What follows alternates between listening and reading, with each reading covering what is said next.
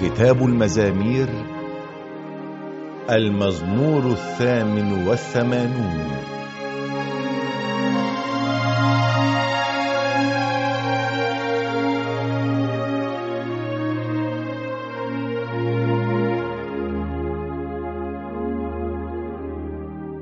يا ربي وإلهي ومنقذي قدامك أصرخ نهارا وليلا. ليت دعائي يصل إليك. قرب أذنك إلى صراخي لأن نفسي شبعت من المصائب وحياتي اقتربت من القبر. أنا محسوب مع النازلين إلى الحفرة. صرت كرجل بلا قوة.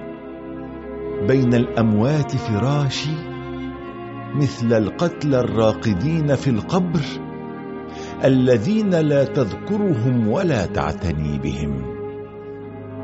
وضعتني في قعر الحفرة في ظلام الأعماق. استقر غضبك علي وغمرتني بكل أمواجك.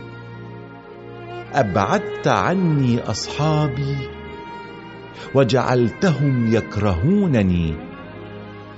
أنا محبوس ولا أقدر أن أخرج. انطفأت عيناي من الحزن.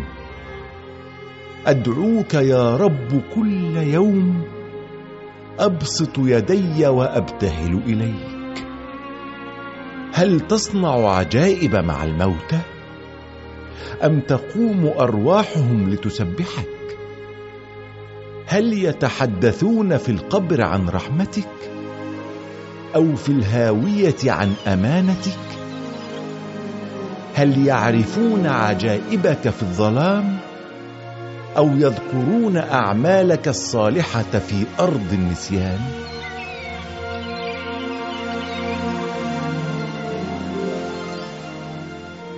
أما أنا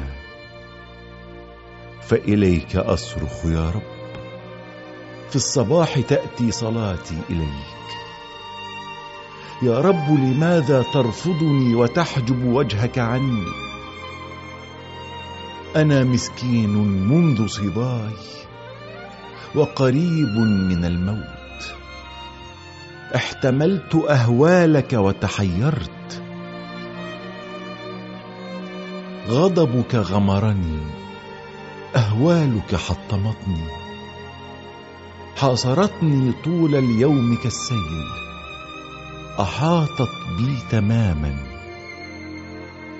أخذت مني أصحابي وأحبائي. فصار الظلام رفيقي